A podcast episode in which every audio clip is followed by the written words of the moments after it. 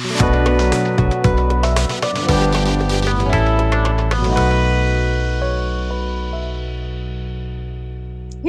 merhaba. Bu bölüm çok enteresan bir konumuz var. Gerçekten inanılmaz heyecanlıyım. Ee, bu heyecanı da bize kazandıran aslında Elif oldu. Dedi ki böyle böyle bir konuyla karşılaştım ve bunu ha, bence evet. konuşmamız gerekiyor. Ben de dedim ki nasıl olur pazarlamanın haricinde bir konu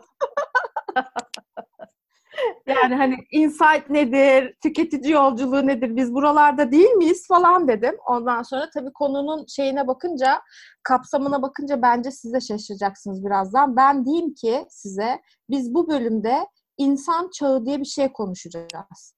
Evet. Ee, ve inanılmaz heyecan verici değil mi Elif? Evet. Ben kısaca istersen nasıl, nasıl birden böyle bir aydınlanma yaşadım, haleluya diye. Ee, bambaşka bir şey okuyordum, yazı okuyordum. Ve orada antroposen çağı diye bir çağdan bahsediliyor. Yani birkaç kere de alıntı yapılıyor. Ne bu antroposen? Bilmiyorum sizde de var mı böyle bir alışkanlık ama bence şeyle mesela Kindle'la kitap okumanın en güzel özelliği o. Yani antroposen'e basıyorsun. Sana işte Wikipedia ve bir takım farklı kaynaklardan anlamını açıyor. Sonra ben bir baktım yaklaşık 10 dakika sonra falan kitabı bırakmışım. Antroposenin ne olduğunu okuyorum ve gerçekten çok heyecanlandım. Aynen dediği gibi Elif'e bir tane mesaj attım. Ya Elif ben antroposen diye bir şey du- duydum. Sen duymuş muydun bilmiyorum ama çok ilgimi çekti. Çalışıp konuşur muyuz bunu diye. Sonra işte kaynakları toparladık. Çok güzel bir tane film buldum. Ondan sonra bulduğum kaynaklardan bir tane kitap yazdım. E, bir takım insanlar biliyorsun futuristim diyorlar. Buldukları şeyleri kopyala yapıştır yapıyorlar. Ben de self-publisher'ım artık yani. I'm a self-publishing writer darling. Geçenlerde Twitter'da e, şey futurist kimdir diye açıklamaya çalıştım. Yani hani Gerçekten bakıyorum şimdi almış bir science bilmem nenin hesabından getirmiş onu koymuş oraya. Ya tercüme etmiş ya İngilizce. Tamam da sen şimdi hani bunu oradan alıp buraya koyduğun için fütürist olmuyorsun ki. Yani hani senin e, ge- gerçekten geleceği öngörebiliyor olma. Yani fütürist ne demek? Geleceği gören kişi demek. Yani senin benim Gelecekle görmediğim şeyi Ha, o görüyor. Tahminler, tahminler yapılabilen, yapabilen Şimdi, insan. Bunu yapabilmesi için bu insanın analist olması lazım. Aslında hani analiz yönünün, gözlem yönünün, strateji yönünün, trendleri takip yönünün hani e, o kadar çok geniş bir çerçeveye yayılıyor ki bu. Yani hani şey diyebiliriz mesela bence 50 yıl sonra dünyada insan kalmayacak diyebilirim mesela. Hani hmm. tamamen robotlara döneceğiz diyebilirim. Bu mesela bir tahmin. Yani evet. bu benim tahminim. Evet, evet. Bu benim ee, görüşüm. Ama e, öngörü boyutunda hani fütürizm boyutunda olabilmesi için benim size bir tablo çiziyor olmam lazım. Yani hani şöyle bir, bir yaşam de, bir takım sebep sonuç ilişkileri açıklayabiliyor olman lazım. Yani bu Aynen öyle. Hani, ben, bence öyle. Yani böyle tartışmalar var ya ben öyle düşünüyorum. Bilmiyorum sen düşünmeye devam et de beni meşgul etme gibi bir noktaya geliyor. E, Şimdi Allah'tan bu konu bilimsel bir konu. E, yani biz fütüristiz diye ortaya atmıyoruz bunu. Yani gerçekten hani bir şekilde gündemimize girmemiş insanların daha fazla aslında bu sadece bilim dünyasının içerisinde sınırlı kalmaktan çıkıp daha fazla tartışılabilir e, olması gerektiğini düşünüyorum ben. Biraz böyle hani underrated kalmış bir konu bence. Hani bazı diziler oluyor ya böyle sonradan keşfediyoruz. Evet, evet aynen. Ya ama e, fütürizm benim için e, hassas bir konu olduğundan e, sebepsiz yere bir şey söylemek istiyorum. Bu Michio Kaku diye ünlü bir e, fizikçi var biliyorsunuz. Genelde evet. şeyi dolaşıyor. İşte dünyada tüm şeyleri e, büyük bestseller'lara dolaşıyor. Bir sürü bestseller var ve insanların insanlığın geleceğiyle, dünyanın geleceğiyle ilgili bir takım öngörüler de bulunuyor. Onun çok doğru bir saptaması var. Diyor ki geleceği tahmin etmekle, fütüristliklerle ilgili en büyük problem bilim adamlarının fütürist olmak yerine işte bir takım işte pazarlamayla uğraşanların, sosyolojiyle uğraşanlar yani müsbet bilimden çıkmalı fütüristik beklentiler ve e, hedefler diye bir yorumu var. Ben şahsen katılıyorum. Merak edenler onun kitaplarını okuyabilirler. Bir takım kopyala yapıştır e, kaynaklardan daha verimli bulacaklarına eminim. Neyse geri dönüyorum. Ben de bir şey eklemem lazım ama şu, Ay, şu hadi. anda buna. K- kesinlikle katılıyorum. ama. Ama mesela ben kendimle ilgili fütüristim diyemem ama forecasting dediğimiz şey var ya hani tahminde öngörüde bulunma. Tamamen Bunu, farklı bir şey. bunu söyleyebilirim. E, çünkü niye? Zaten hani e, pazarları takip ediyoruz, trendleri takip ediyoruz. E, hani önemli noktalardaki oluşumları takip ediyoruz. Buralardan bir analiz yapıp bir şey söylüyoruz.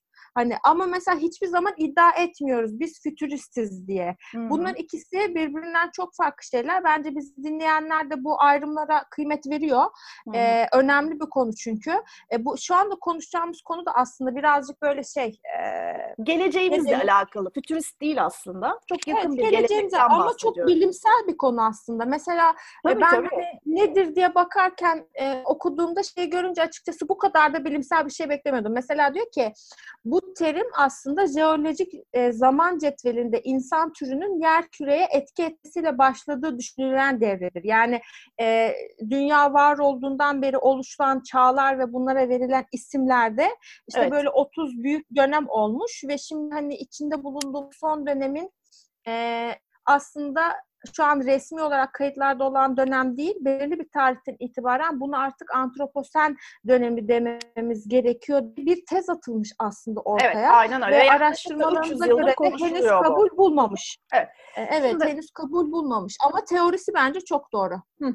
Ee, Valla kabul geçmişe dönük de bulunabiliyor bunlar biliyorsun. Yani bunun e, adının antroposen çağı olarak konulduğunu biz görmeyebiliriz. Ama geri dönüp birkaç yüzyıl sonra evet ya aslında burada antroposen çağı başlamış diyebilir bir takım bilim adamları. Bizim kaydımızı da dinlesinler. Dinlesinler lütfen.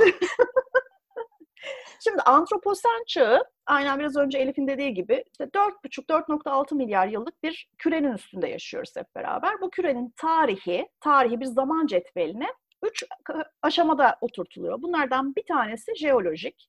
En temelde bu var. Bunun üstünde bir takım e, tarihi olaylardan konuş, e, etkilenerek konulan şeyler var. Onun üzerine de bir takım antropolojik bölümlemeler var. İşte çağları bunlar tanımlıyorlar. Şimdi e, işte mesela hepimizin e, okul zamanı artık çok geçmişte kaldığı için hatırlatmak için söylüyorum. Girmeyeceğim bu detaya ama bir tarih öncesi dönem var. Bu insanın ortaya çıkışıyla başlıyor tarih öncesi dönem. Yani ondan öncesini saymıyoruz. Yani bu insanın tarihi dünya üzerinde aslında. Ondan sonra bir e, antik dönem var. Ondan sonra orta çağlar var. Ondan sonra işte modern dönem ve şimdi gü- güncel, çağdaş dönem diye böyle şeyler var. Bunun üzerine de bir takım tarihi olaylarla bir, bir takım e, antropolojik, ekonomik olaylarla çeşitlendiriliyorlar. İşte mesela taş devri tarih öncesi dönemde bronz devri işte antik dönem gibi geliyor. Bunların en temelinde ama bir takım şeyler var. Ee, söyle adını. Coğrafi bir zaman çizelgesi. Ayrıca gene coğrafi dedim. Jeolojik bir zaman çizelgesi var. Bu jeolojik zaman çizelgesine göre biz dünya olarak Holocene denen bir dönem şeyde yaşıyoruz, çağda yaşıyoruz. Whole bütünden geliyor İngilizce'de ve Latince'de olduğu gibi. Bütüncül bir dönem bu, bu, bu bütüncül çağ bunun adı. Holocene. Holocene e, yaklaşık 12 bin yıl önce son buz devri, buz çağı bitince insanın ve insan uygarlıklarının ortaya çıkmasıyla başlamış bir çağ. Şimdi 1873 yılında Stopani adında Cenova'daki çok büyük bir astrolojik e, okula ait bir bilim adamının ortaya attığı bir şey bu. Kavram bu. E, antroposin kelimesi antropo insandan geliyor antropolojide olduğu gibi. Sin de çağ, güncel, içinde bulunan zaman gibi diye düşünmek lazım. Bu insan çağını 1873 yılında ortaya atıyor e, bu bilim adamı. Ve de diyor ki artık insanın dünyaya olan etkisi diğer bütün jeolojik olaylardan daha fazla öne çıktığı için yani şey falan artık çok geçmişte kaldı. Buz devri ve buz devrinin, buz çağının etkileri çok geçmişte kaldı. İnsanın etkisi öne çıktı. Dolayısıyla içinde bulunduğumuz döneme artık Holocene değil, Anthropocene demek lazım. Ve bu bunu gündeme getiriyor, ortaya atıyor ama uzun zaman unutuluyor. Bu çok fazla da şey bulmuyor, taraftar bulmuyor. Fakat e, 2000 yılında Yani o Stopani o kadar iyi anlıyorum ki. o kadar iyi anlıyorum ki. Her şeyin bir zamanı var. Bir kere kayıtlarımızdan birinde Cassandra'dan bahsetmiştik biliyorsunuz. Evet. Her zaman doğruyu bilmek ya da Galilei'de, Galilei, Galileo'dan da bahsedebiliriz. Her zaman doğruyu bilmek ve doğruyu söylemek için doğru zaman olmayabiliyor. O zaman da Stropani'yi pek fazla kale almıyorlar. Ne zamana kadar? 1990 yılında e, Paul Crutzen adında bir e, atmosfer kimyacısı ve Nobel sahibi bir insan kendisi. Bunu tekrar ortaya çıkartıyor ve de diyor ki biz artık holozenik bir çağda değiliz, antropozoik çağdayız. Bunun da en önemli sebeplerinden biri insanın e, şey yapılması, e, dünya üzerindeki etkisi diğer bütün etkilerin önüne geçiyor. Yani içinde bulunduğumuz galaksiden, içinde bulunduğumuz yıldız sisteminden, içinde bulunduğu, üzerinde yaşadığımız yer küreden çok daha fazla etkili, çok daha fazla belirleyici bir şeye geldi insan.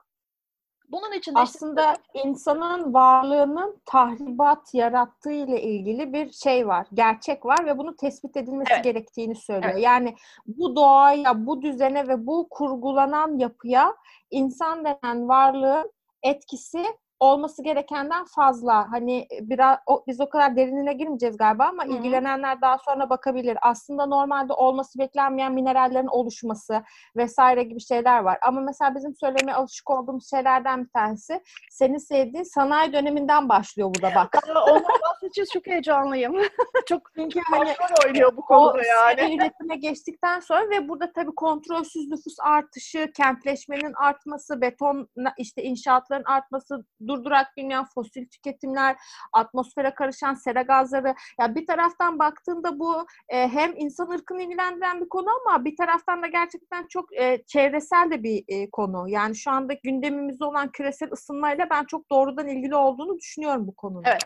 Ya aslında zaten e, tam olarak da e, Stropani'nin de daha sonra e, şeyin de söylediği, Crusen'in, Paul Crusen'in de söylediği şey bu insanın etkisi şu anda en büyük.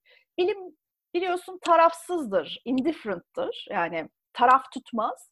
Dolayısıyla insanın yıkıcı etkisi ya da yıpratıcı etkisi demiyor. Sadece etkiyi tanımlıyor.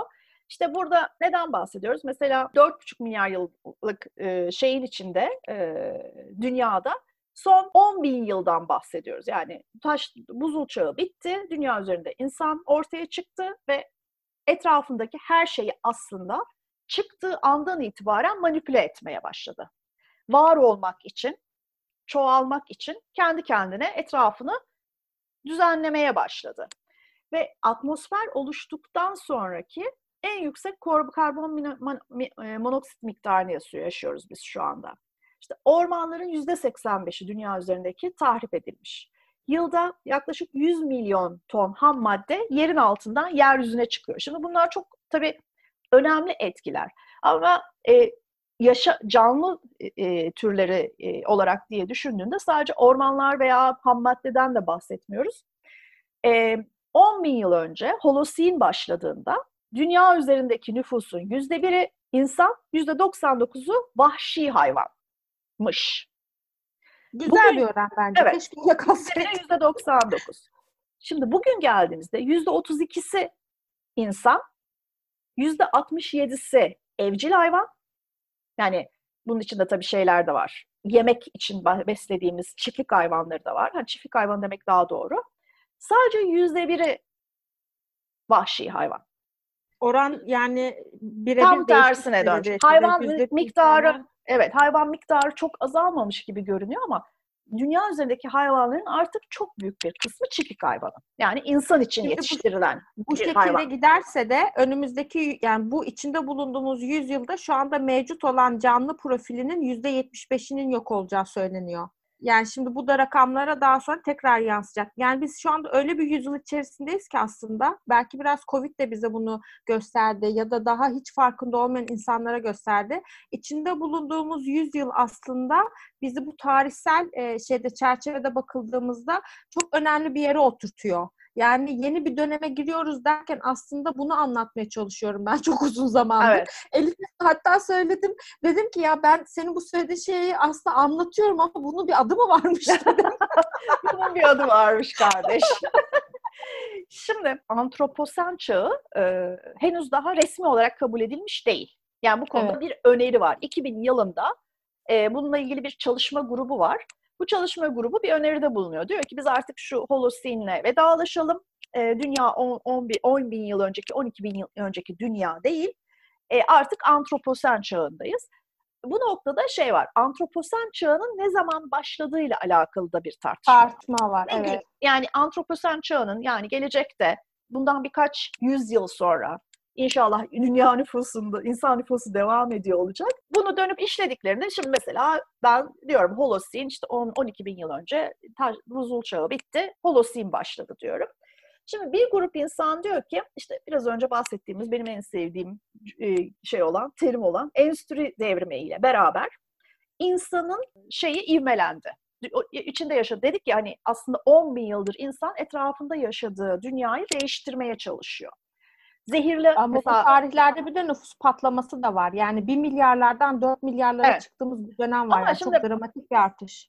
Ya 10 bin yıldır aslında biz etraf çevremizi değiştirmeye çalışıyoruz. İşte zehirli evet. otları öldürmeye çalışıyoruz. Kime göre, neye göre? İşte sevmediğimiz hayvanları, mesela fareler, böcekler gibi öldürmeye, sevdiğimiz insanları, mesela kediler, köpekler gibi sevdiğimiz hmm. hayvanları çoğaltmaya çalışıyoruz.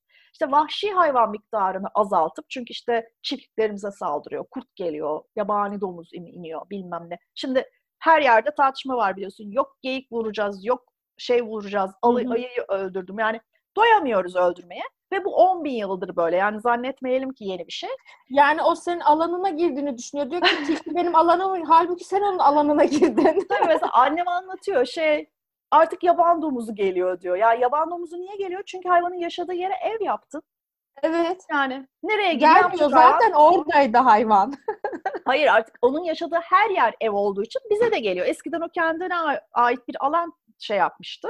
E, tanımlamıştı o, ve orada yaşıyordu. Biz 25 yıldır aynı yerde oturuyoruz. İlk kez bu sene geliyor. Neden? Çünkü sit yasağını kaldırdığım için her yere ev yapıldı. Evet. İşte buyurun antroposen çağı değilse nedir?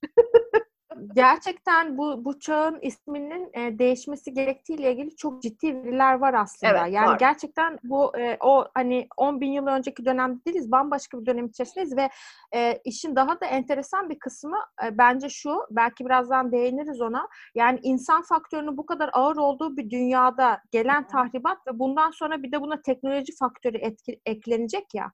Yani Hı-hı. teknolojinin çıktıları, yarattığı ve ürettiği şeyler, e, belki işte o robotlar ya da e, başka hayatımızı entegre edeceği enstrümanlar. Yani bu e, şeyde benim düşünceme göre yine tabii altın çiziyorum bir fütüristik bir koment değil bu yani.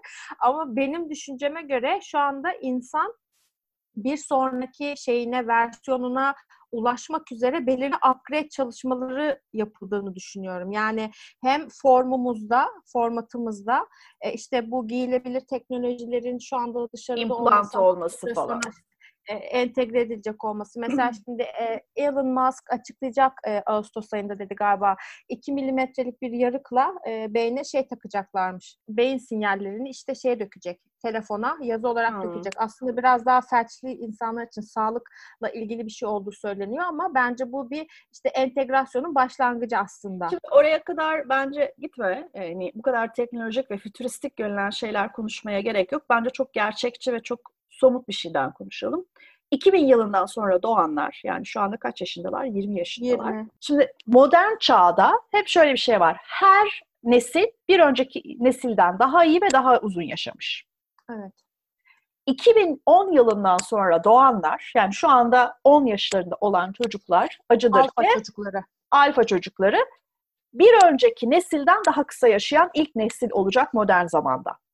Yani bu rakamlarla gösteriliyor Ha, çok enteresan bir şey söyledin şu anda. Bunun sebebini biliyor musun peki? Ya bunun sebebi e, sürdürülebilir olmaması insan üzeri dünya üzerindeki evet. insan sayısının. Yani sonuç evet, itibariyle çok enteresan bir şey. Bir pandemi yaşıyoruz. Bir pandemi daha yaşayacağız. Dünyanın bazı bölümlerinde açlık yaşanacak. Bazı bölümlerinde çok daha büyük savaşlar çıkacak. Su Neticede gidecek, su gidecek, su. Aynen öyle. Sonuç itibariyle e, insan nüfus, dünya üzerindeki insan nüfusunu dengelemeye çalışacakmış gibi görünüyor. %75'i şu anki mevcut yapının popülasyonu yani bunun içine her şeyi tüm canlıları dahil edin %75'inin yok olacağı söyleniyor. Dönüyorum antroposene. Antroposen çağının ne zaman başladığıyla başladığını kabul edeceğimizle ilgili de bir tartışma var. Henüz daha resmen çağ kabul edilmemiş olsa bile işte endüstri devrimiyle başladı diyenler var. Sanayi devrimiyle başladı diyenler var. Bu da işte 18. yüzyılın 19. yüzyılın ortalarına oturuyor neredeyse. 1945'te atom bombasının kullanılmasıyla başladı diyenler var. İşte 18. yüzyılın sonunda karbondioksit düzeyinin kesintisiz yükselişe geçmesiyle başladı diyenler var. Bu böyle pek çok tartışma var.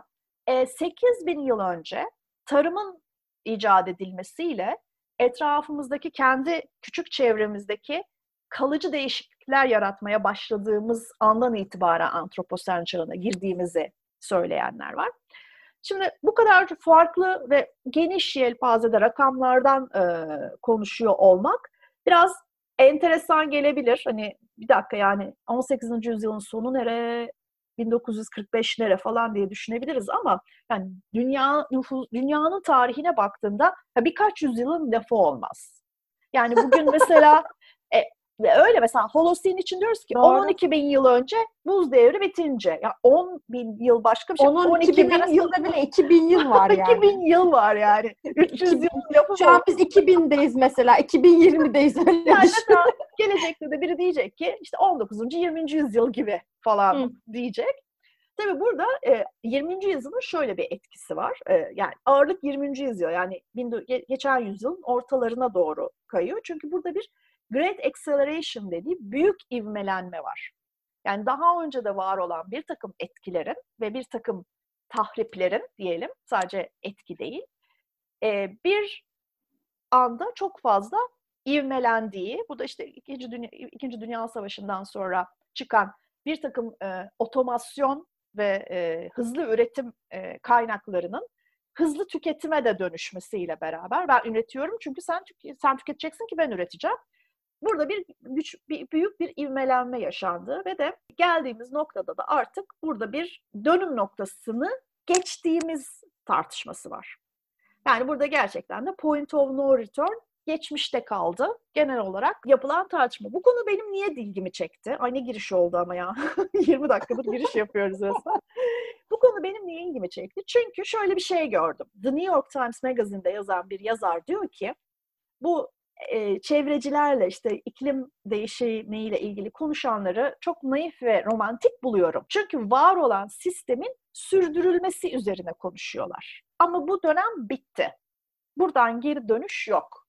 İçinde bulunduğumuz yeni karbon seviyelerini, işte bir takım hayvanların soyunun yok olduğunu, işte son beyaz e, gergedanın öldü, öleceğini ve oradan bir gergedan yaratılmayacağını kabul edip önümüzdeki maçlara bakacağız diyorlar. Ve de dolayısıyla aslına bakarsan çevrecilikle ilgili, e, çevreci ekonomiyle ilgili e, ve de iklim değişikliğiyle savaşan kurumlarla ilgili aslında çok başka bir pencere açıyor. Bunların hepsinin mevcut düzeni sürdürmek üzerine fikir ve çözüm üretmeye çalıştığını ve de bunun artık mümkün olmadığını tartışmaya açmış bir yazıydı bu. Oradan aslında benim çok fazla ilgimi çekti. Çünkü işte burada bir tane e, belgeselle karşılaştım. Sana da linkini gönderdiğim. The Anthropo, Anthropocene, The Human Epoch. Yani insan çağı diye bir şey var. E, 2018 yılında e, gerçekleştirilmiş bir belgesel. Bence çok başarılı. İşte burada Çin, şerid, Çin kıyı şeridinin yüzde 60'ının beton dalga kıranlarla kaplanmak zorunda olduğundan, işte Almanya'da üretilmiş devasa kara araç araçlarından, işte Ural Dağları'ndaki potasyum madenlerinden, iklim değişikliğinden ön, e, ötürü o, neredeyse kaybolmak üzere olan Grand, Büyük Bariyer Reef'inden ve bunun gibi pek çok geri dönülmez tahribattan bahsediyor bu e, belgesel. Ve de geldiğimiz noktada aslında bundan sonrasını ne yapacağımızı konuşuyor olmamız gerekiyor. Çünkü insanlık dünyanın coğrafi yapısının şeyini ele geçirdi doğal süreçlerini ele geçirdi. Şimdi bütün bunlar aslında artık belirleyici güçlerin tamamının insan yapısı olduğunu ve insan kontrolünde olduğunu söylüyor. Şimdi diyebilir ki burada bu kaydı dinleyenler onu biz de biliyoruz. Yani işte çevresi kirlenmesinin sebebinin insan olduğunu da biliyoruz. İklim e, değişikliğinin ve dünyanın ısınmasının ve bir belki de bir yeni buzul çağına girecek olmasının sebebinin insan olduğunu da biliyoruz. İşte hayvanların nesillerinin tükenmekte olduğunu da biliyoruz. Ama bu bence gene de konuşmaya değer bir şey. Çünkü bilmekle anlamak aynı şey değil. Ee, bildiğimiz bir sürü şeyi anlamıyoruz aslında. Ve anlamadığımız için de etrafından dolanıyoruz. Bu şey gibi bir laf vardı ya hani körün fili tarif etmesi gibi. Yani bir yerine dokunuyorsun evet. ama neresine dokunduğunu anlamıyorsun diye. Bunu e, araştırırken bir ben şeyle okudum. E, bir süredir ihmal ediyorum ben ama bu sefer kesin kaynaklarımı koyacağım. Çünkü çok değişik şeyler okudum. E, merak eden herkes kendi okumasında fayda var. Antroposen çağının tanımlanmasına yardımcı olacak en önemli simgenin tavuk olacağını söylüyor bilim adamları. Bu okurken benim de çok dikkatimi çekti. Beynimi yaktı. Ama yani çok şey mantıklı. Şey, hani bizden öncekilerin e, dinozorları şu anda dinozor kemikleri vesaireleri bakılıyor Aynen. ya hani şeyler kalıntılar bulduğumuzda insan, insan kemikleri. Yok yok ondan da önce bir insan falan diyorsun. Resmen içinde bulunduğumuz çağ. Bizde de tavuklara bakacaklarını söylüyorlar. Evet aynen öyle. Kalıntılarda. Yani bu şey 60 milyar gibi bir rakam okumuştum galiba 60 ben. 60 milyar tavuk öldürülüyor dünyada. Evet. Her yıl. Her evet. yıl. 60 milyar tavuk. Bu ne bir de bu ya? ölçülendir bence. Yani. Yani sen onu yüzde. Fark etmez. Ya, 60 de minimumdan gidelim. Yani çok kötü. Şu anda dünyanın her yeri tavuk karkası, tavuk kemiği dolu. Yani bundan birkaç yüzyıl sonra kazı yapıldığında her yerden tavuk kemiği fışkıracak. İnanılır gibi değil. Aynen öyle. Ve bunun arkasındaki hikayeyi okudun mu bilmiyorum ama 1945 yılında e, senin yazdığın kitabı okudum Elifciğim. Yani evet. sen imzalamamışsın kitabı. Aynen öyle. Hani... Okudum sosyal medyamdan da paylaştım yani. gördüm gördüm. Biraz typo vardı ama yeni baskıda düzelteceğiz inşallah. Editör Neyse çok satanlara çabuk girdin. Dikkatimden kaçmadı. 1945 yılında Amerika şeyden çıkmış, İkinci Dünya Savaşı'ndan çıkmış. Tabii Dünya Savaşı önemli bir kaynak israfı olduğu için yani pek çok kaynağını savaşan ülkelerin tüketmiş durumda insanlar. Tabii bugünün güçlü ekonomilerinden Almanya bile savaştan sonra yeniden inşa edildi. Bir de kaybeden olduğunu düşünürsen eğer. Yani tabii herkes açlık içinde çıkmış. Amerikan hükümeti önemli bir e, kanatlı üreticisi olan AP şirketiyle bir anlaşma imzalıyor ve de güçlü, çabuk üreyebilen, çabuk büyüyebilen, çabuk kesilebilen bir şey yaratmaya karar veriyorlar. Bir cins yaratmaya, tavuk cinsi e, kabul et, yaratmaya karar veriyorlar. Bunun için bir takım çalışmalar yapılıyor. Arbor acres diye bir e, evcil tavuk cinsi üretiliyor. Şu anda hepimizin yediği tavuk aslında bu. Bu tamamen bilinçli bir şekilde hayvan çok kısa bir sürede e, şeye daha bu endüstriyel hale gelmediği günlerden bahsediyorum. Hala gezen tavuktan bahsediyoruz yani. Yani 30 günde, 40 günde, 60 günde kesmeye hazır olacak bir şeyden. Çünkü e, hayvanın cinsi öyle. Çabuk ürüyor, çok ürüyor, çabuk büyüyor, çabuk yenilecek hale geliyor. Yani tam dünyanın gün, insanların isteğine aynen göre. Aynen öyle. Şey döngüsünü, e, ömür döngüsünü, hayat döngüsünü, life cycle'ını çok kısa bir sürede tanım, tamamlıyor. Yani üretim üretici üretmen oldu an bir tartmazda diye kesiliyor. Dolayısıyla e, bu dönemi en önemli temsil edecek şeylerden biri de aslında dünyayı ne kadar e, manipüle ettiğimizin en önemli göstergelerinden biri de tavuk olarak ortaya çıkıyor. Şimdi anlamak ve kabul etmek aynı şey değildir demiştim ya. Şimdi orada şöyle bir tartışmaya denk geldim yine okurken. Peter Kareva diye bir e, şey var. E, Nature Conservancy, e, doğal koruma, doğayı koruma diye bir kurum varmış Amerika'da. Onun baş bilim adamı, bilim insanı bir adam var. Birazcık da şey bir adam böyle e, büyük şirketlerle güzel anlaşmalar yapmayı falan seven bir adam diye böyle bayağı karanlık bir portresiydi en azından e, benim okuduğum makale.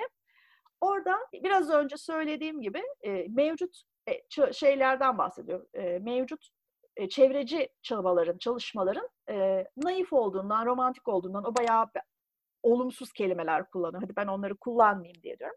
Aa yazık bak iklim değişikliğinin önüne geçmeye çalışıyor yavrum falan tadında bir şey var.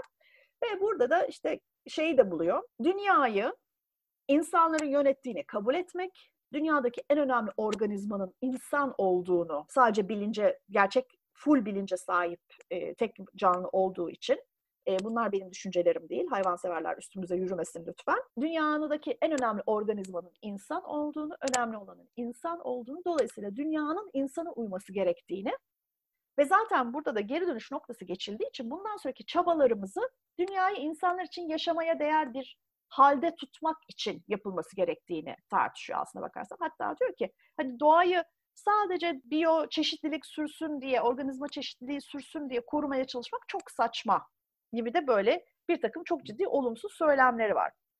Ve bunun e, tabii bir takım şeylerde mesela The New York Times magazinde falan şey de oluyor, karşılığı da oluyor. Ve antroposen çağını aslında bu bilim insanlarının temsil ettiğini de olumsuz gene bir şeyle, uyumlamayla bahsediyorlar. Burada çok tabii enteresan bir şey var. Antroposen çağında yaşamak için antroposen çağında ölmeyi anlamak lazım diye bir e, makale yazılmış Princeton Üniversitesi'nin bilim adamlarından biri.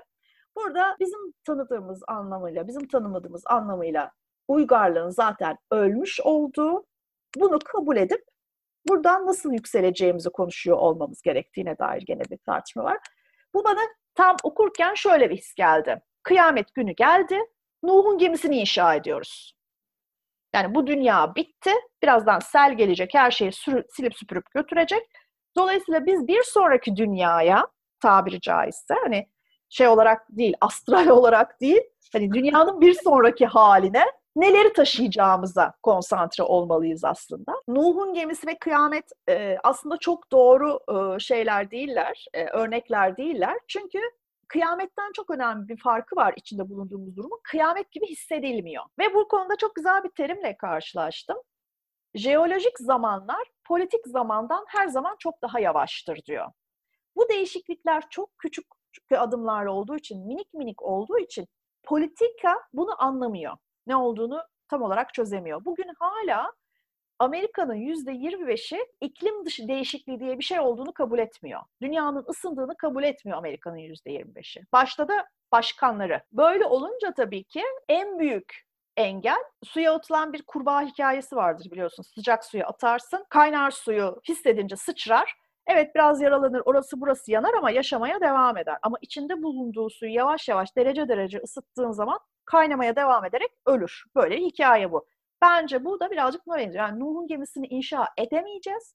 Çünkü kıyametin gelmekte olduğundan yüzde yüz emin değiliz. Kendi aramızda tartışıyoruz. Gelir mi acaba? Pandemi de geldi ama geçer bu ya. Normal diye bir şey vardı. Gene ona döneriz. Yeni normal, yeni normale dönelim. Ne zaman normale dönüyoruz?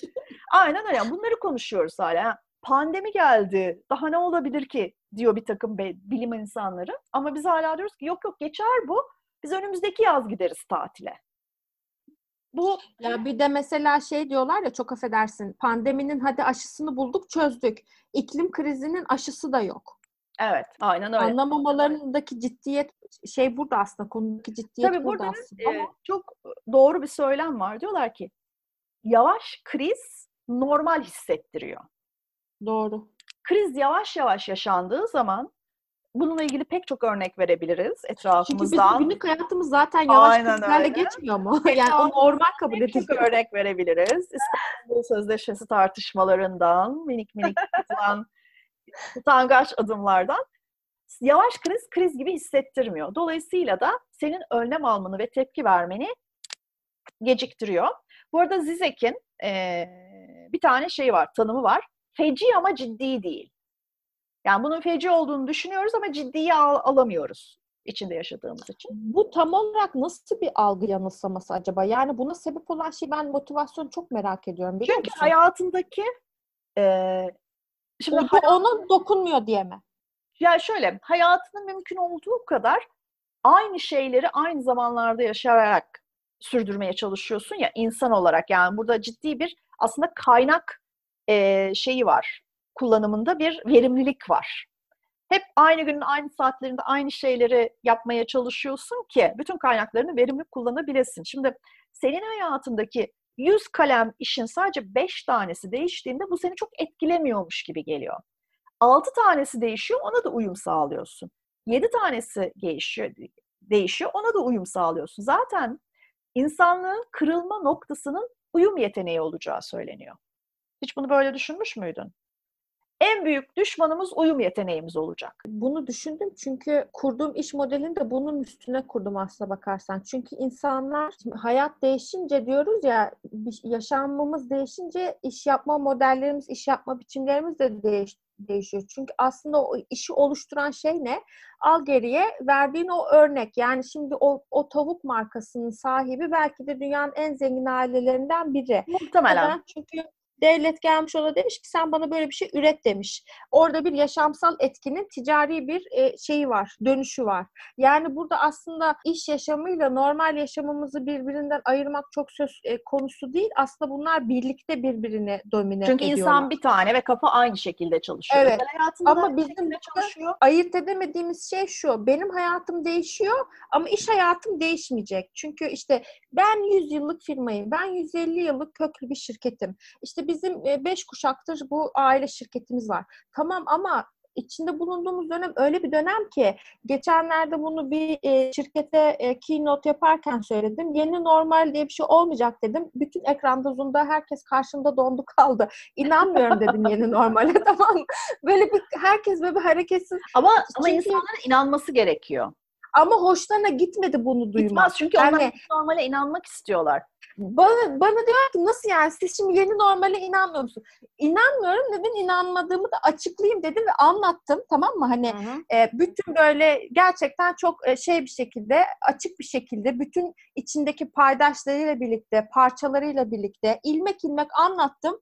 Bütün o şeyin sonucunda yine e, şu noktaya geldik ama 2-3 ay sonra işler açılır değil mi? Şimdi Bu noktaya geldik. Bence dedim biraz işte önce- adaptasyon krizi burada Evet. ortaya çıkıyor. Adapte olma yeteneği insanın alması gereken bir takım cesur kararları almasının önüne geçiyor. Yani içinde yaşadığı sorunlu dönemden, içinde yaşadığı olumsuz döneme bir şekilde uyum sağlayabildiği ve bunun içinden geçebileceğine inandığı sürece koşullarda kalıcı değişiklikler yapmaya çalışmıyor. Sadece uyum sağlamaya çalışıyor. Ve uyum yeteneği de bunun önüne geçiyor. Biraz önce söylediğin şey çok doğru. E, bu antroposen çağıyla ilgili kitap yazanlardan biri de Zizek. Bu Zizek'i herhalde tanımayan yok. Ünlü bilim insanı, işte fütürist. e, Bir de günümüzün modern filozofu da diyebiliriz. Modern belki. filozof, aynen öyle. O mesela antroposen çağıyla ilgili yazdığı şeyde Antroposene Hoş Geldiniz diye bir kitap yazmış. Antroposen çağı da şey gibi oluyor. E, nüans farkı gibi oluyor birazcık. E, Antroposene Hoş Geldiniz diye bir tane kitap yazmış. Türkçesi de var bu arada. Bu kitapta fetişistik disavowal diye bir şeyden bahsediyor. Fetişist reddetme. Çünkü bunun üzerine bunu da şeye dayandırıyor. Karl Marx'ın bir tane teorisi var. Commodity fetişizm diye. Mala sahip olma ve o malı bir takım ihtiyaçların yerine koyma aslında kapitalist sistem tarafından bize öğretilen bir şey. Çok canım sıkıldı, çıktım alışveriş yaptım, biraz stres attım. Nasıl stres atabilirsin? Senin problemin elbisenin olmaması değildi ki. Problem elbisenin olmaması değil ise elbise almak senin stresini nasıl azaltabiliyor? Çok indirime girmişti. Kaçırmak istemedim.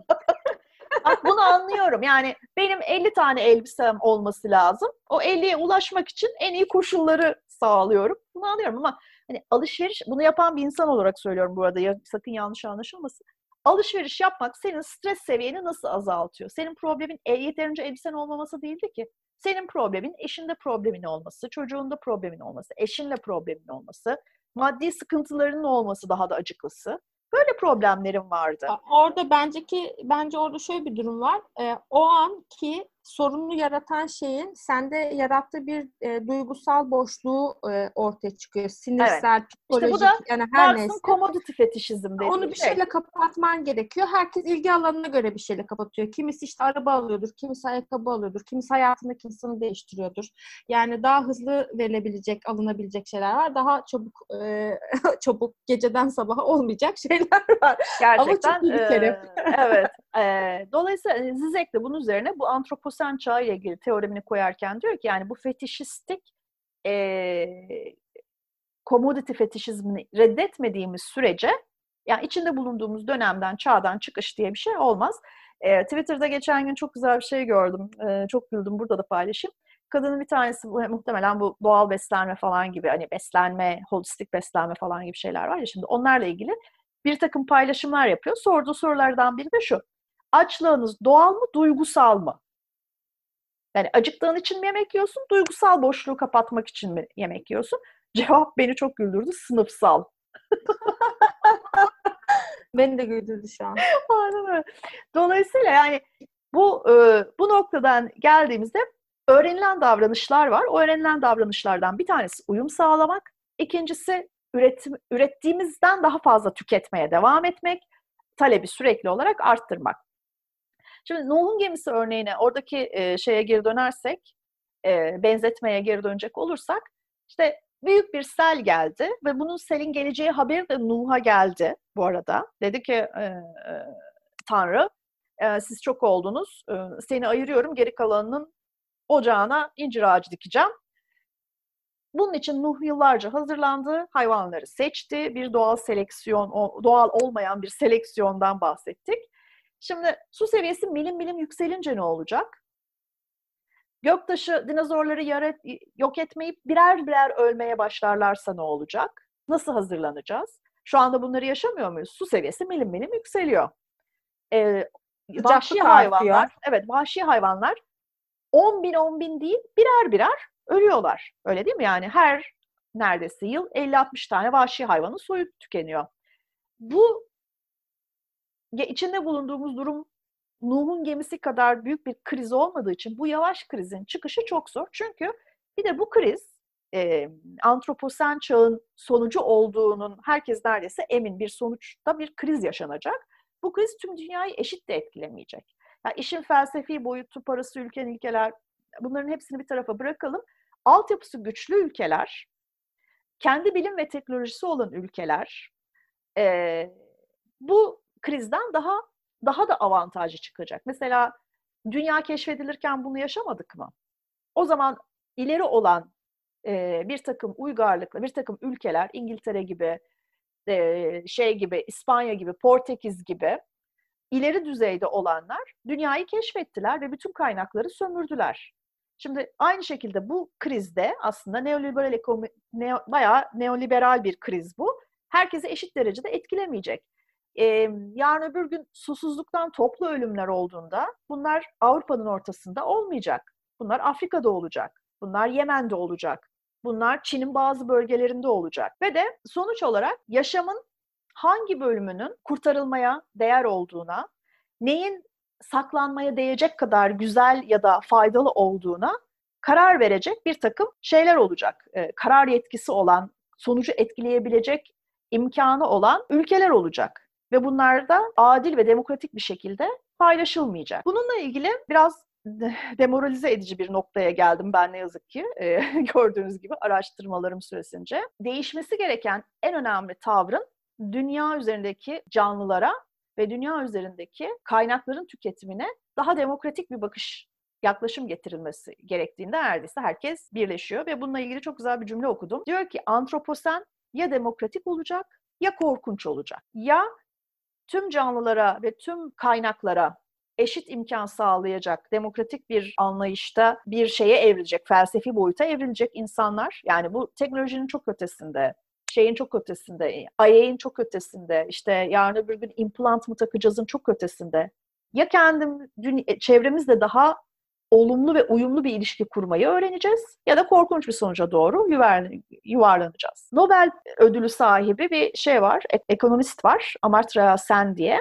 Diyor ki hiçbir az da olsa demokratik toplumda kıtlık yaşanmamıştır. Çok önemli bir cümle değil mi? Çok önemli bir cümle ama bence buraya gelene kadar sen zaten şu son birkaç dakikadır çok fazla çok önemli şey söyledin. Evet. Yani bunların hepsinin aslında... Bir sindirmek e, lazım aslında. Sindirmek lazım. Hepsi ayrı birer başlık olabilir. Çünkü aslında Dünya e, Sağlık Örgütü'nün, Dünya Ekonomi Örgütü'nün, Dünya Ticaret e, Örgütü'nün yani bütün örgütlerin şu anda e, parayı ve bir şekilde e, bu akışı yönetenleri Hı-hı. gündeminde aslında bu konu var. Tam göbeğinde duruyor şu anda. Yani e, küresel iklim krizi diye modernleştirdiğimiz ya da bir şekilde insanların daha önce de söylediğim gibi kulak erozyonundan dolayı artık Hı-hı. duyarsızlaştığı bu noktalar. Diyorum ya Amerika'da %25'i inanmıyor böyle bir şey olduğuna mesela. Yani Amerika dünyadaki pek çok politikayı belirleyen çok önemli bir ülke. Bizi bir yere götürmeyecek aslında bu tartışmalar. Yani Hı. mesela bizim iyi ekonomi bölümümüzde de bunları konuştuk.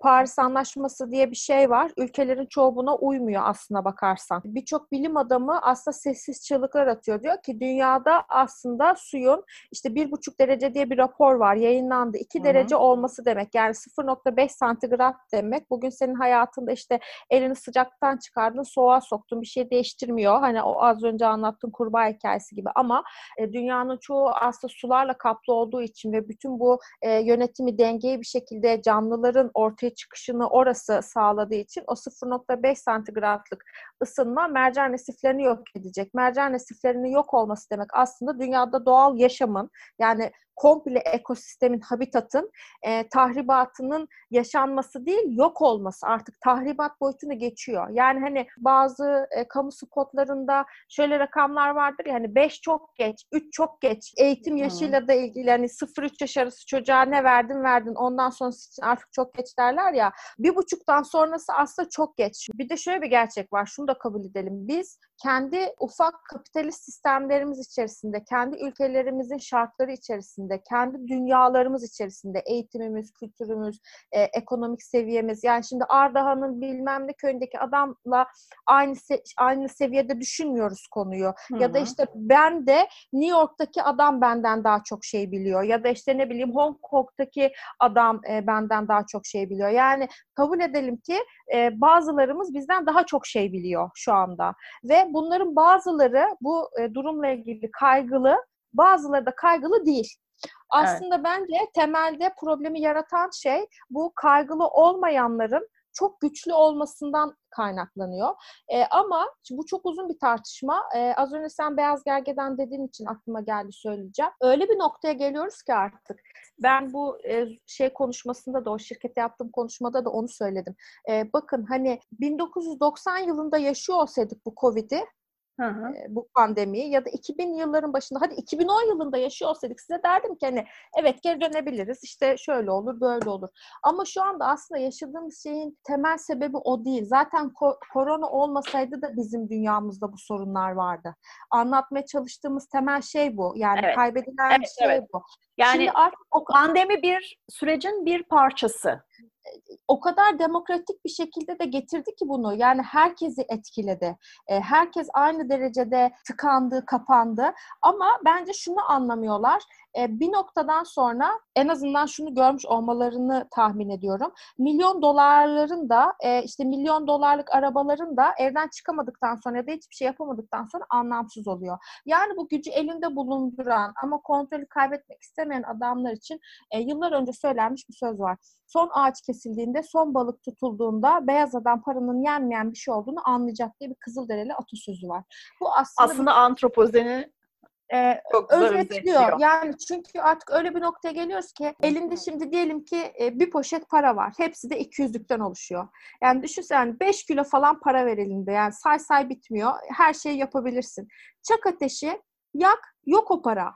İşte yırt, parçala o para yok. Yani aslında e, o e, birime, o, o kağıt parçasına o değeri biz yüklüyoruz ya. Hı-hı. Şimdi mesela bu şeyin tartışmanın belki konusu olmayabilir ama bir ucundan bence ilintili. Şimdi para kavramının değişmesi de e, dünyada aslında bir şey e, savaş sebebi. Yani artık savaşlar toplarla tüfeklerle olmuyor. Eskiden konuştuğumuz, anlattığımız şeylerle olmuyor. Çin e, dijital para birimini hayata geçirdi, test ediyor ve iki yıl içerisinde bütün e, dünyaya bunu yaymayı planlıyor ve doları zayıflatmayı planlıyor. Şimdi bir tarafından baktığında çok büyük pencerede çok büyük olaylar oluyor. Hı-hı. Bir tarafından baktığında da eski kavgalar da var. Aynen öyle çok güzel özetledin. Her ülkenin masasında eski kavgalar duruyor devam ediyor. Ya bazen bunları böyle düşündükçe yani bu düzlemde düşündükçe e, diyorum ki yani hani bunun anlamsızlığını görebilecek kadar e, şey olsak, egosuz olsak e, insan olarak yani hep bu yok etme üzerine kurmuşuz ya e, aslında yok edelim diye de yola çıkmıyoruz belki. Yani güce sahip olalım e, daha iyi şartlarda olalım. Yani insan hep bir şeyin devamını sağlamak üzere içgüdüsel olarak gidiyor. E, evet. ama e, burada bazı farkındalıkların yaratıyor olması gerekiyor. Bence bizi yönlendiren ve yöneten kişilerin algılarımızı biraz da bu yöne doğru çekiyor olmasına fayda var. Şimdi sen devam edeceksin ama ben sonrasında bir şey başka bir konudan bahsedip yine bağlayıp öyle kapatmak istiyorum bunu. Biraz tirat yapmışım gibi, uzun uzun konuşmuşum gibi. Bu böyle bu böyle uzun tiratlar haline geldi zaten. Ee, söyleyecek çok şeyimiz olduğu için. Tabii bu konuyla ilgili her şeyi anladığımızı, her şeyi çözdüğümüzü ve çözüm bulduğumuzu falan iddia etmiyoruz. Ee, ilgimizi çeken bir konu araştırdık. Anladığımız kadarıyla paylaşıyoruz. Ama Biraz önce bir şey söylemiştim. E, Amartya, Amartya Sen, Sen'in bir lafını e, demokratik ülkelerde şimdiye kadar bir kıtlık yaşanmamıştır diye. Gerçekten bu doğru. Çünkü doğal e, afetler, geçtiğimiz günlerde Artvin'de, Rize'de yaşadıklarımıza bakalım. Doğanın ve insan sistemlerinin ortak sonucu. Evet bir takım doğal şeyler var. O anda işte iklim değişikliğinden, iklim değişikliğine yol açan da insan, iklim değişikliğinden do- dolayı çok yağmur yağması bir doğal afet ama o yağmurun etkilerini çarpan etkisiyle çok büyük olarak insanlara yansıtan da bir takım insani sistemler. İşte gemilerin, e, şeylerin, derelerin denetlenmeye çalışması, üzerine HES'ler kurulması, yataklarının değiştirilmesi, yataklarının şeye açılması, inşaata imara, inşaat izni, imara açılması gibi bütün bunlar e, da insan sistemleri. Genellikle de zaten herkesin üzerinde anlaştığı bir kavram var. O da antropo, antroposen bir kıyamete doğru gidiş temsil ediyor. Bir sürdürülemez Apokalips bir... gibi şey. Evet, aynen öyle. Böyle bir şey temsil ediyor. Bunun e, çözümü ya da doğru şekilde evrilmesi, çözüm demek doğru olmayabilir. Çünkü bu bir sorun değil. E, bu bir durum. Bu durumun doğru şekilde yönetilmesi ekoloji, ekonomi ve politikanın beraber hareket etmesiyle mümkün olabilecek bir şey. Çünkü geri dönüş yok. Yani istersek son derece pesimist olalım, şeylerle, iklim bilimcilerle dalga geçelim, çevre bilimcilerle dalga geçelim. İstersek hayalperest olalım, işte dünyanın, işte Amazon ormanlarının dikilebileceğine inanalım. Tekrar eskisi gibi büyütebileceğine inanalım. Nerede durursak duralım, geçmişe geri dönmemiz mümkün değil. Sadece ileriye doğru gidebiliriz. Ve içinde bulunduğumuz, değiştirdiğimiz dünyanın iyiye doğru değişmesine e, katkıda bulunmaya çalışabiliriz. Çünkü dediğim gibi yani 12 bin yıldır insan etrafını öncelikle birinci, sonra ikinci ve üçüncü çevresini değiştirmeye uğraşıyor. Kendisi için daha verimli, daha tatminkar, daha rahat yaşanan, daha mesela üşümemeye çalışıyor. E, aç kalmamaya çalışıyor. Su kaynaklarından uzaklaşmamaya çalışıyor. İşte yerin bilmem kaç kat altından su çıkarmaya uğraşıyor. Yani çok basit şeyler. Ama bunun önünde gerçekten de bilinçli olarak cahilliği ve inkarı destekleyen bir takım politikalar var. Biraz önce söyledim. Amerika'nın %25'i başta kendi başkanı iklim değişikliği diye bir şey olduğuna inanmıyor. Bu konuda Enis Batur'un bir gezi anı kitabı var. Adını çok sevdiğim için buradan bahsetmek istiyorum. Yani kitap fena değil, okunabilir ama Amerika büyük bir şaka sevgili Frank ama ona ne kadar gülebiliriz? Gerçekten de e, bu kitap yazıldığında da herhalde 80'lerde yazılmıştı hatırlamıyorsam. Gerçekti. Bugün daha da gerçek. Yani kocaman bir şaka ama maalesef gülemiyoruz. Şakaysa komik değil diye bir laf var ya ona benziyor birazcık. Peki senin bu Enis Batur'u benim Enes Batur sanıp bir YouTuber nasıl böyle bir şey söyleyebilir diye düşünmüş olmam. İşte bu çocukta nasıl böyle bir zeka olabilir diye. Kültürün ne kadar bulaşıcı bir şey olduğunun göstergesi ve her şey kapsayıcı. Ya buradan girişimci varsa bizi dinleyen sesleniyorum. Ne olur no more application. Yani artık her şeyin application'ını yapmak yerine ya da yapacaksanız da biraz bu konular üstüne kafa yorun. Gerçekten çünkü hani bir şeylerle ilgili çözüm üretilmesi lazım. Yani insanlar birbirlerini nasıl bulacak? insanlar birbirleriyle nasıl date edecek? İşte ondan onu mu alacak? Kıyafetini nasıl paylaşacak? Yani bunlarla ilgili bir şey düşünmeyin. Yenilik ihtiyacı yok burada. Yani gerçekten hani e, bu gidişatta az önce anlattığımız hikayede bir sürü o kadar çok ihtiyaç var ki o kadar çok alanda. Yani onlarla ilgili bir şeyler yapılması bana çok şart geliyor. E, yani hemen şimdi burada şeyden bahsedeceğim Dünya Ekonomik Forumu'nun e, kurucusu. Dur, oraya git, gitmeden önce ben bir şey söyleyeyim. Onu kapatayım. Şimdi tamam. bir takım değişiklikler yaşamak gerektiğine, uyum sağlamak yerine değişmeye çalışmak gerektiğine e, değindim. Ama bunun önündeki en önemli engel gene insanın kendisi. Çünkü biz bugüne kadar değişmek ve var olan imkanları ve kaynakları kullanmaya çalışmak yerine yenilerini keşfetmeye çalışıyoruz. Mesela şu anda biliyorsun pek çok e, ülke Mars'a gitmeye çalışıyor. Hatta Elon Musk bir e, girişimci tek başına bir, bilim e, iş insanı olarak Mars'a gitmeye çalışıyor. Ve bunun için de söylediği bir tane şey var. İnsan ırkının devamı için başka bir gezegene daha atlamalıyız. İşte aynen bu işte dünya keşfedilirken gerçekleşen kolonist yaklaşım. Burası bitti. Burası artık bize yetmiyor. Yenisini keşfedelim. E, ve de bu bana şey gibi geliyor e, bu konuşmaları dinlerken. Hani bütün bu uzay filmlerinde şeyler var ya kolonist uzaylılar dünyanın kaynaklarını sömürmeye geliyorlar. Suyumuzu, işte insanlarımızı, canlı enerjimizi falan sömürmeye geliyorlar. Aslında Aynı onlar biz biziz aslında. Aynen işte öyle. Çünkü biz bunu da aslında. düşünen bir insan olduğu için yani o senaryoyu da yazan bir insan olduğu Aynen. için öyle hayal ediyor kendisinden Aynen. yola çıkarak. Aynen. Halbuki uzaylılar mesela çok iyi insanlarmış diyecektim. Çok iyi canlılarmış mesela. Şöyle düşünüyorlarmış mesela dış dünyada. Ya şunlara gidelim de birazcık hani teknolojik güçlerini hızlandıralım. Bir biraz edelim. Ha, şu insan... Belki de çok iyi canlılar. Belki de. Being, varlık aslında onlar. Canlı mı? Onu da bilmiyoruz. Evet o da doğru. Güzel bir tartışma konusu daha açtım şu anda. Kapatayım hemen o zaman. Ya bir, ya bir şeyi bence ayrım bilip bilmemekle başlıyor ya. Bilebilmemiz için resmi olarak yani bilimsel bir gerçekle, e, kanıtla bize hmm. kanıtlanmış olması lazım. Yani ya şu bir anda işte, haline getirilip teste açılması lazım en azından. Öyle bir şey yok. Yok yani. evet aynen öyle. Gerçi geçenlerde Amerika'nın UFO görüntüleri açıklaması gibi şeyler oldu ama neyse. Evet. Ya ben e, hayatla ilgili pek çok konuda agnostik bir insan olduğum için yani şüpheci bir insanım ben. Yani uzaylı vardır da diyemem, yoktur da diyemem. E, çünkü buna karar... Septik olmuyor muydu ya? E, işte agnostik şeyle duruyor. Yani bilimsel verilere dayanarak şüphe duyarım ve şüphelerimi sorgularım gibi. Yani bir şeye yüzde yüz inanamam ve bir şeyi yüzde yüz reddedemem. Eğer onu doğru olduğunu ya da yanlış olduğunu bilecek kadar yeterli bilimsel veriye sahip değilsem. Düşünsene seninle sohbet ediyoruz bir şey anlatıyorum. Sen bana diyorsun ki ben bir şeyin yüzde yüz doğru olduğuna inanamam. Ya da yüzde yüz doğru olmadığına inanamam diye böyle konuştuğunu düşünsene. Gerçekten ortamı hemen terk etmek istersin. Yani işte insan özü itibariyle bir inanma ihtiyacı duyuyor ya. Yani aslında evet. zaten her şeyin başı oradan. Ait e, olma ihtiyacı e, duyuyor. Ait olma, inanma, evet. güvenme. E, insanları bir arada tutmak için bu e, inanma sistemi üzerine kurulmuş, inşa edilmiş bir sürü medeniyetler var. Hatta ee, dinler var. e çünkü bence bu bir temsil ediyor aslında. Yani evet. çünkü kurallar olmazsa sayı arttıkça kontrol mekanizması onu götürmez, idare etmez. O yüzden de bence insan faktörünün dışında daha büyük bir e, gücün kontrol ediyor olması lazım. O gücün de yıpranmaması ve herhangi bir tahribata uğramaması için görünmez bir güç olması çok evet, mantıklı evet. bence. Doğru. Sen bir şey söylüyordun Dünya Ekonomik Forumu ile ilgili. Ben sözünü Çünkü, kestim. Yok ben aslında önce senin sözünü kesmiştim. Ay Efendim, ay olur şey. ben kestim. o zaman sen kapat.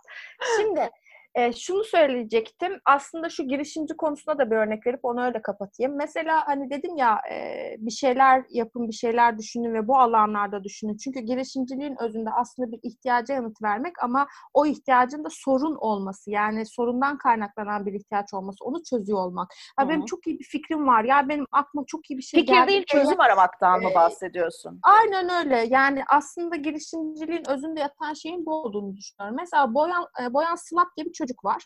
Hollanda'da bir e, mucit ve girişimci diye e, şey yapıyor, geçiyor. Google'a baktığınız zaman e, eskiden de bir uzay mühendisliği öğrencisiymiş. Bu çocuk 19 yaşında şeyi takıyor kafaya. Okyanusların plastiklerle ve e, şeylerle, atıklarla Sadece plastik de değil biliyorsun. Petroller, e, bir sürü kalıntılar, akıntılar yani bu ticari, endüstriyel şeyin getirdiği bütün atıklar oralarda toplanıyor.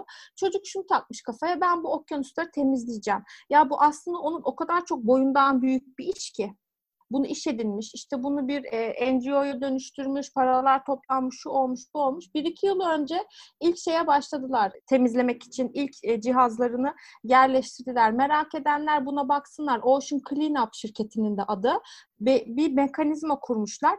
Ama Elif nasıl ilerliyorlar biliyor musun? İlmek ilmek ilerliyorlar. Yani mesela işte ne bileyim proje böyle 8-10 fazlı diyelim ki 6-7 yılda sadece birinci fazına gelebildiler falan gibi. Yani Hı. ama buradaki engeller teknolojinin bulunamamasından ya da mühendisliklerin yeteneksizliklerinden değil. Yani işte hep bu aslında e, sistemle bir şekilde e, savaşmaktan kaynaklanıyor. Yani ha, tabii ki herkesin bulduğu fikir ya da herkesin yapmak istediği girişim bu denli büyük olmak zorunda değil. Ama Hı. bence bakış açısını e, genişletmekle ilgili önemli bir e, örnek olduğunu düşünüyorum. İkincisi de şimdi sen az önce dedin ya bu değişimle ilgili ve bunu anlamak, adapte olmakla ilgili ekolojik, ekonomik ve politik olarak e, buna yaklaşılması gerekiyor. Ben bunu paydaşlar olarak görüyorum. Yani benim bir iş sahibi olarak tek başına alabileceğim kararlar belirli bir noktada çözüm üretir veya bu çözümün etkileri olur. Ama e, aynı sürdürülebilirlik örneğinde olduğu gibi belirli politik destekleri alamazsak işte regülasyonlarla, kanunlarla bunlar Hı-hı. bir e, standart haline getirilmezse tek başına ancak ben bir aktivist olabilirim. İşte ne bileyim çevre bilinci yüksek bir insan olabilirim. Hı-hı. Ya da işte ne bileyim e, bununla ilgili duyarlılık sahibi bir iş insanı olabilirim. Ama aslında şu anda bundan daha fazlasına ihtiyacımız Hı-hı. olduğu için bunun bir noktada birleşmesi lazım. Şimdi burada yine senden e, şey yapacağım, referans vereceğim. E, burada yine tabii ki bu iş kime düşüyor?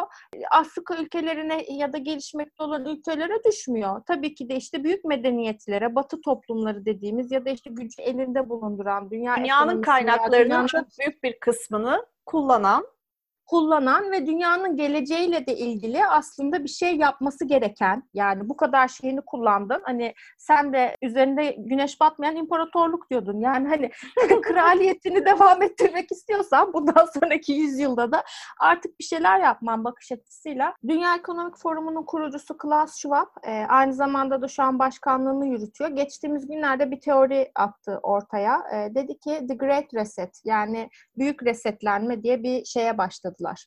E, çalışmaya başladılar. 2021 yılındaki e, Dünya Ekonomik Forumu'nun temasının da bu olacağını söylediler. Bu ne demek? Önümüzdeki dönemde Covid'in gölgesinde kalan birçok konu aslında gündemimizde daha fazla yer edecek demek. Neden bahsediyor bu büyük resetlenme?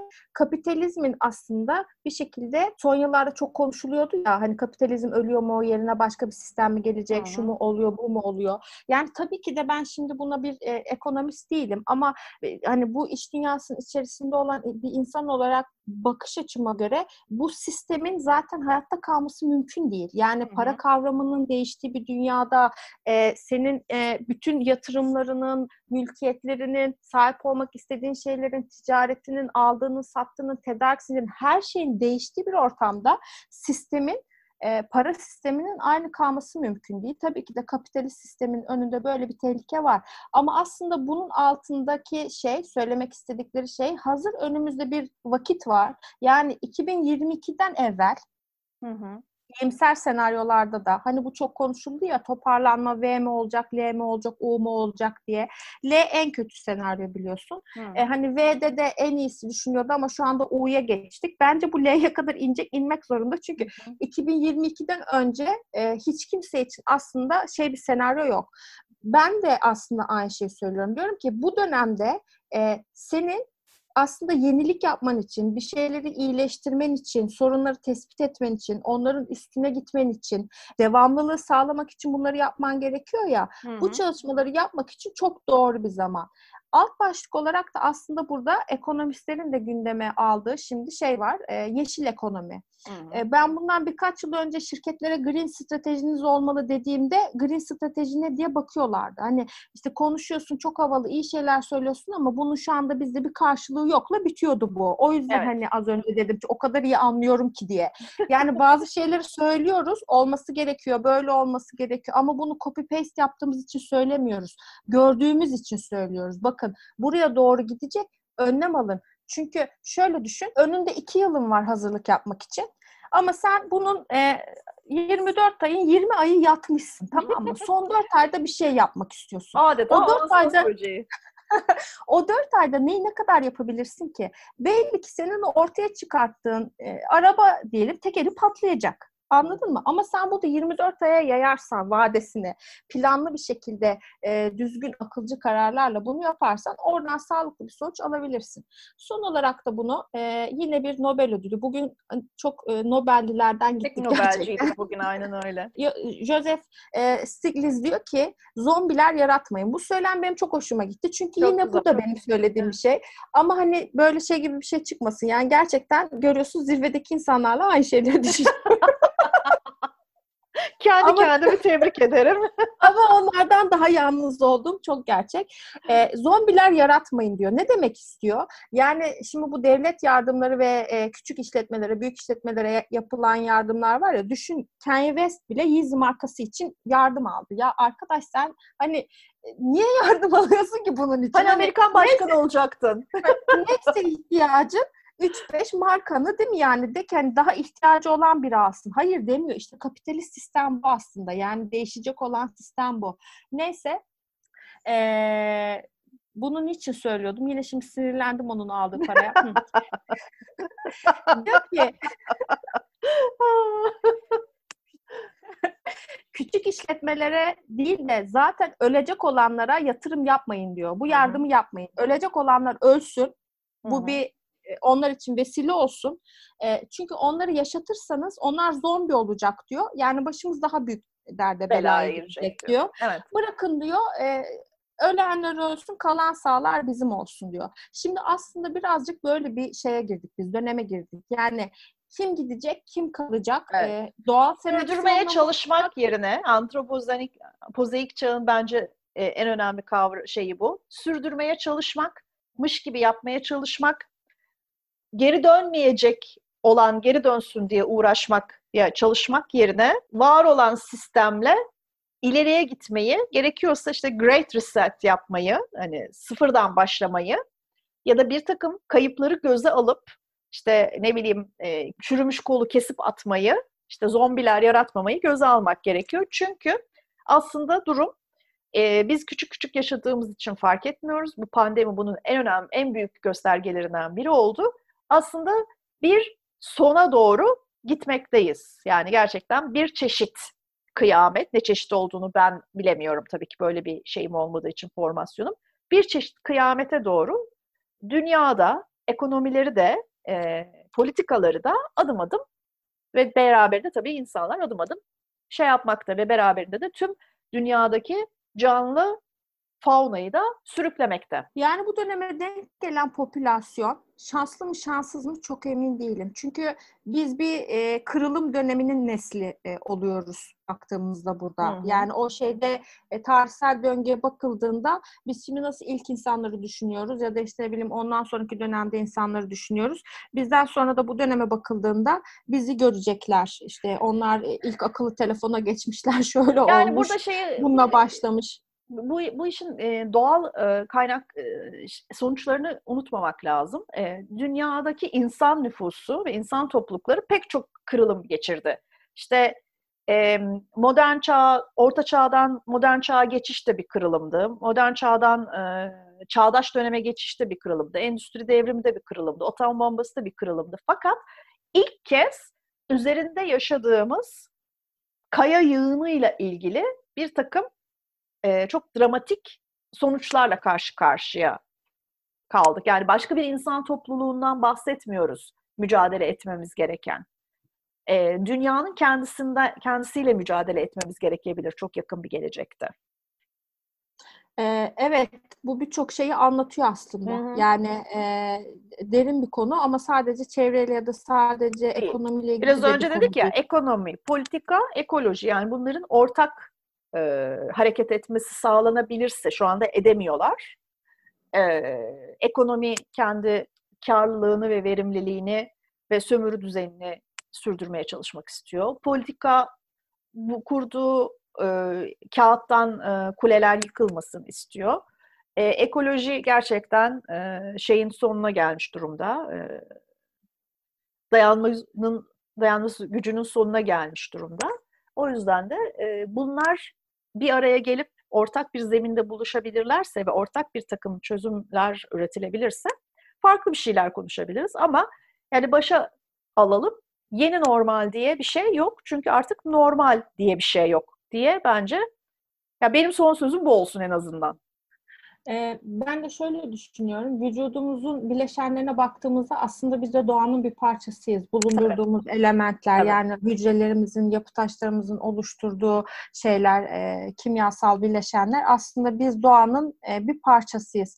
Doğanın bir parçası olup aslında hiç bu kadar onun bir parçası değilmiş gibi davranmak bana biraz evet, ondan üstünmüş geliyor. gibi. Ondan evet. üstünmüş gibi davranmak, gücü bu kadar elinde bulundurduğunu düşünmek. Yani bu gücün hatta sarhoşu e, olmak. Çok Bugün doğru. de ve bundan sonraki 50 yılla yönetebileceğin 100 yılla her şeyin aslında e, senin elinde olduğunu düşünmek bana gerçekten çok komik bir şakaymış gibi geliyor. Bir espriymiş gibi geliyor. Birçok gücü elinde bulunduran insanın bu kadar e, e, naif diyeyim ben ona. Hmm. Bu kadar romantik bir düşünceye nasıl sahip olabildiğini anlayamıyorum. Çünkü doğa her ne olursa olsun bizden üstün ve bunu bize ispatlama ihtiyacı bile yok bence. Yani e, şöyle bir elini sağlaması e, itiyor. Yani işte bu bir afet oluyor günün sonunda. Çünkü biz ona zarar verdiğimizde o da bize bir şekilde zarar vermiş durumda. Ben hayatın hep özünün konu her ne olursa olsun bir denge bulmak olduğunu düşünüyorum. Doğru. Bir denge yaratmak ya da bir denge bulmak. Yani e, uç taraflara gittiğin zaman bunu sağlaman mümkün değil. O yüzden çok iyi anlamak tabii ki gerekiyor. Yine senin konuşma içerisinde söylediğin gibi ve benim sürekli insanlara söylediğim gibi yani bir şey oluyor ama niye oluyor? Buna bir bakın. Bu ne? Neden oluyor ve ben ne yapmalıyım? Soru sormamız kesinlikle çok önemli. Neyi ne kadar değiştirebiliriz bilmiyorum. Ne kadar engel olabiliriz? Ne kadar engel olmalıyız? onu da gerçekten Hı-hı. bilmiyorum. Ama şimdi mesela ekonomik sistemimizi kapitalist sistemden alalım ya da işte döngüsel ekonomiye, circle circular ekonomiye getirelim bu bir çözüm mü? İşte green ekonomi yaratalım bu bir çözüm mü? Yani bunlarla ilgili de gerçekten e, tar- tartışmamız gerekiyor. E, burada böyle bir sohbet konusu, kahve kahve sohbet konusu değil aslında bunlar. Ya da doğru, işte bileyim belki bir podcast konusu bile değil bunlar. Yani bunlar aslında çok ciddi konular ama bence bireyler olarak bunları tartışma gündemimize almamız bile çok önemli. Yani biz öyle ciddi bir şey söylüyoruz ki aslında şu anda. Yani metafor çok açık. Yani Nuh'un gemisinde yaşanan, o dönemde yaşanan şey neyse aslında adı konmamış ve e, adı konulsun Yavaş diye kız. E, şey yapan, e, can çekişen bir dönem var karşımızda. İşte İnsan evet. çağı. E, bundan önceki podcastlerde de söylemiştim. Belki dinleyenler hatırlar. Demiştim ki biz hala insan, bunları bilmeden söylemiştim bu arada. Bu dönem hala insanlarla ilgili. Her şeyin odağında hala biz varız insanlar var. Hazır işte bu dünyayı bu hale getirdik ama bu teknolojileri de biz bulduk. İşte bu gelişimleri de biz yaptık. Kendimizi ileride biz taşıdık. Hı-hı. Bunu da biz yapabiliriz demiştim. Ee, yine e, bilmeden söylemiştim ama çok örtüştüğünü düşünüyorum. Yine Doğru. aynı şekilde düşünmek istiyorum. Yani e, bunu da yapabiliriz. Buradan da Barack Obama'ya selam gönderiyorum. Yes we can. çok doğru bir seçim stratejisiymiş. Doğru. Ya bu Amerikan başkanlığı seçim şeylerine çok bayılıyorum biliyor musun? Şimdi Biden da ne diyor? Build back better mı diyor. Aha. Yeniden en iyi şekilde. Yani inşa et, bir daha inşa et, en iyisini inşa et. Yani o şeyler, o sloganlar bence içinde bulunduğumuz dönemi çok yansıtıyor. ee, bence şey yapılmalı, e, bakılmalı. Ben politik stratejist değilim ama çok ilgimi de çekiyor. Yani çekmediğini söyleyemem. Bu özellikle evet. seçim kampanyaları. Peki. Ha, bu kadar konuştuktan sonra şimdi nereye geliyoruz? Anlaşmamız gereği Netflix önerilerimizi. Valla işte Netflix dolaştık Netflix'e geldik. Yani bir gecikme oldu. Netflix'ten öneremeyeceğim. o biraz zor durumdalar şimdi evet. şey yapma. Doğru Demek doğru. Şimdi e, kayıt içinde konuştuk podcast içinde bir tane e, şey var, e, güzel bir film var. E, Antroposen diye bir, bir, bir belgesel var. Onu seyretmenizi öneriyoruz zaten. Eğer YouTube'da konu ilginizi çektiyse. E, var galiba. Eğer konu ilginizi çektiyse ben Vimeo'dan seyrettim. Vimeo'da seyredilebiliyor. Hı hı. E, True Cost diye e, daha önce de birkaç kez bahsetmiştim. Güzel bir belgesel var. 2005 2015 yapımı galiba. Hızlı e, moda endüstrisinin e, gerçek maliyetlerinden bahsediyor. Burada insan maliyetleri var. Bangladeş'teki e, köleliğe benzer üretim e, hanelerden tutun da işte pamuk yetiştirebilmek için e, oluşturulmuş endüstriyel tanım, tarıma kadar giden e, bir tişörtün 15 liraya satına, satılabilmesi ve her yıl milyonlarca tişört satılabilmesi için nelerden vazgeçtiğimizi anlatan güzel bir belgesel. Bence antroposen çağının ruhunu, tüketim ruhunu güzel e, yansıtıyor.